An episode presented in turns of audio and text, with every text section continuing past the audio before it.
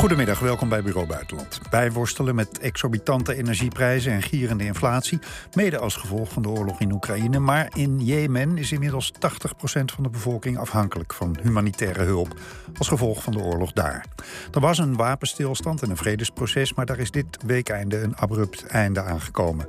Waarom en wat gaat dat voor gevolgen hebben?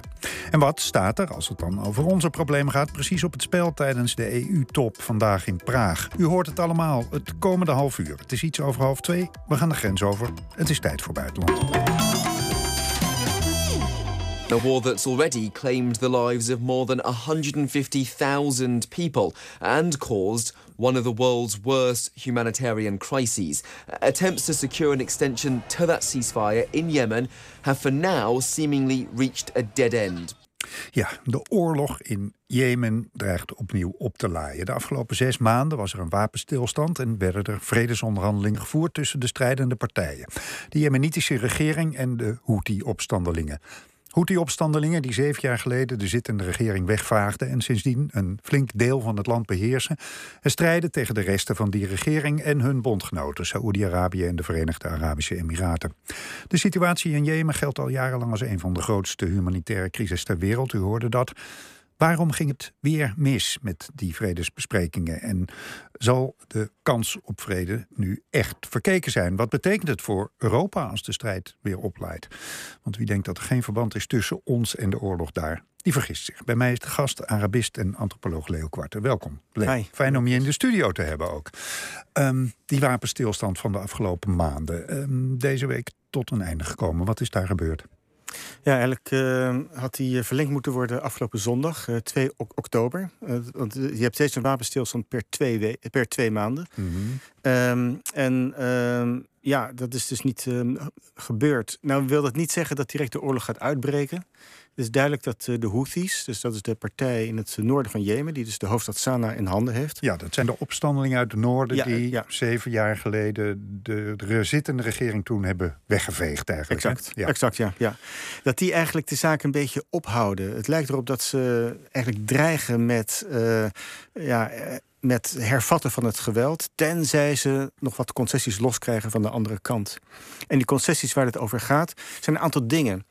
Um, toen het uh, bestand inging uh, op 2 april, toen uh, was dat omdat de Houthis dan eindelijk gebruik konden maken van de luchthaven in Sanaa, in de hoofdstad. Mm -hmm. Die heeft jarenlang heeft die dichtgezeten. Ja. Nu mochten ze een aantal vluchten doen op een aantal andere Arabische hoofdsteden. En nog belangrijker, de havenstad Hodeida, dat is eigenlijk de grote invoerhaven uh, van, van Jemen. Uh, daar mocht ook weer beperkt brandstof arriveren en voedsel arriveren en andere dingen. Want die werd geblokkeerd, hè? Die werd geblokkeerd omdat ja. ja de tegenstanders van de Houthis, dus de, uh, de officiële regering van Jemen, gesteund door Saoedi-Arabië en de Verenigde Arabische Emiraten, dachten dat daardoor ook dus wapens naar binnen gesmokkeld zouden worden. Ja. Ja. Nou, eigenlijk willen de Houthis dat het helemaal wordt verruimd. Dat er nog veel meer, uh, zeg maar, door Hodeida, door de haven binnen kan komen. Dat er veel meer vluchten mogen plaatsvinden vanuit uh, Sanaa. Eigenlijk willen ze dat dat Houthi-gebied, het rebellengebied in het noorden... eigenlijk de status krijgt van een, een werkelijke staat. Ja, en wat zijn de bezwaren? Ik bedoel, uh, dat de, de zittende regering van, van Jemen, die overigens ook niet echt een eenheid is. Hè? Dat is ook een soort allegaartje van verschillende gewapende groepen. Hè? Zeker, zeker. De, de regering van Jemen bestaat uh, ook sinds april. Toen de zittende pre president van Jemen, meneer Hadi, aftrad, bestaat hij eigenlijk uit een uh, achtkoppig gezelschap heren. En zijn allemaal militieleiders. Ja. Dus uh, de ene militieleider is uit het noorden, de andere uit het zuiden.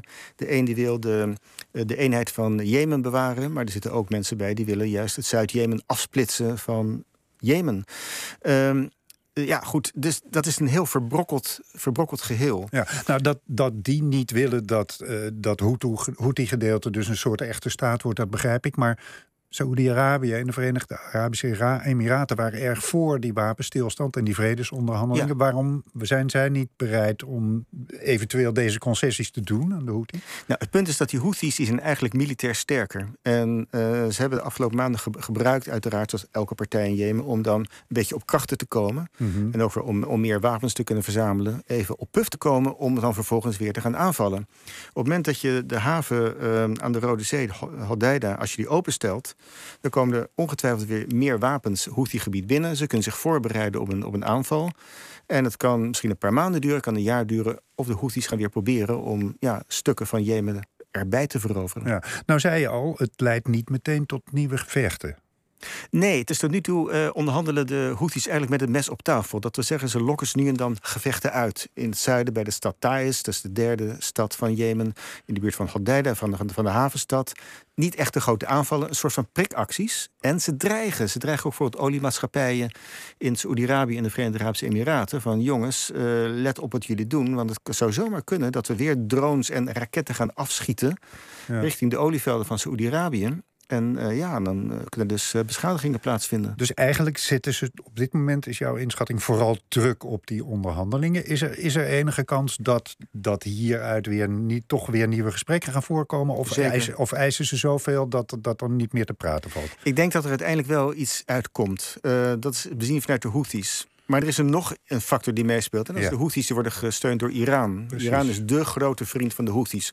Zonder Iran stellen de Houthis eigenlijk niet meer zo heel erg veel voor. Iran financiert, geeft wapens, doet heel veel. Maar die hebben wat andere dingen aan hun hoofd op dit moment. Exact. En die uh, onderhandelen eigenlijk op een soort van uh, metaniveau in het Midden-Oosten. Die onderhandelen met Saoedi-Arabië over allerlei andere dossiers. Syrië, Irak.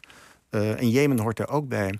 Dus als Iran er gebaat bij zou zijn dat de spanningen wel degelijk opgevoerd zouden worden in Jemen, om bijvoorbeeld Saoedi-Arabië onder druk te zetten, dan kan het zomaar zijn dat de Houthis wel de wapens weer opnemen. Ja.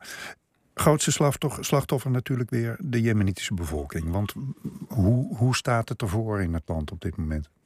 Ja, nou, dat, dat staakt het vuren, dat, dat was heel erg goed voor de, voor, voor de, voor de bevolking. Uh, ik heb wat dingen op, opgezocht uh, waar in de rest van de wereld met name de voedselprijzen stijgen. Zijn de voedselprijzen in Jemen de afgelopen maanden juist om, omlaag gegaan. Dat kwam omdat ja, de haven zat dicht, dus voedsel moest worden binnengesmokkeld. Uh, dus de voedselprijzen daalden, de benzineprijzen daalden ook, omdat er gewoon meer op de markt was.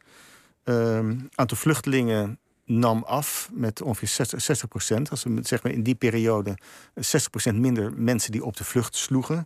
Uh, kinderen die naar school konden zonder dat ze ja, konden worden geraakt door bombardementen. Want die vinden ook grootschalig plaats in, uh, in, in, Jemen, hè, in, in oorlog, oorlogstijd. Dus dat. Aan de andere kant blijft het natuurlijk een beetje huilen met de pet op in, in Jemen. Dat wel. Ik bedoel, uh, zoals je al zei in het begin, uh, 80% van de bevolking is afhankelijk van voedselhulp. Waarbij je moet nagaan dat 5 miljoen mensen in, de, in Jemen gewoon hongersnood lijden. Ja. Mensen hebben werkelijk honger. Ja. Dus nou ja, op zijn best stagneert die situatie op, ja. op, op, op dat niveau. Uh, niet om onze problemen met die van de Jemenieten te vergelijken, maar ook voor ons zit er een belang bij vrede. Want een deel van het gas wat wij in de toekomst nodig zullen hebben, komt uit de Emiraten en ook uit Jemen. Hè? Dat klopt, ja. Er zijn onderhandelingen geweest tussen Frankrijk aan de ene kant en de Verenigde Arabische Emiraten aan de andere kant. Uh, Jemen heeft olie, Jemen heeft ook gas. En uh, uh, de bedoeling zou inderdaad zijn dat er Jemenitisch gas, uh, zeg maar in bijvoorbeeld Franse tankers, andere tankers, zou worden gebunkerd langs de kust met Jemen. En die installaties die worden bewaakt door milities die zijn getraind en opgeleid door de Verenigde Arabische Emiraten. Ja. Uh, dus dat is een duidelijk belang voor, uh, uh, voor Europa. Ja, en dat wordt eigenlijk meteen bedreigd door die Houthis... als ze tegen zowel Saudi-Arabië als de Emiraten zeggen... van let even op jullie olieinstallaties, want er komt wel ja. eens een drone verdwalen. Zeker, want inmiddels is ook bekend dat uh, een week geleden is er een bezoek uh, geweest van de leider van de Verenigde Arabische Emiraten aan het land Oman. Nou, in Oman wonen ook veel Houthis. Oman bemiddelt eigenlijk in de oorlog in Jemen. Uh -huh.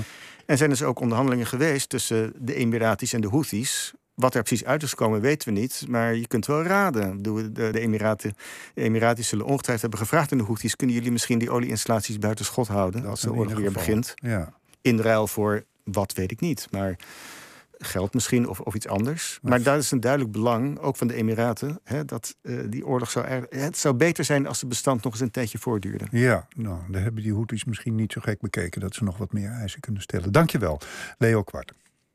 Bureau Buitenland.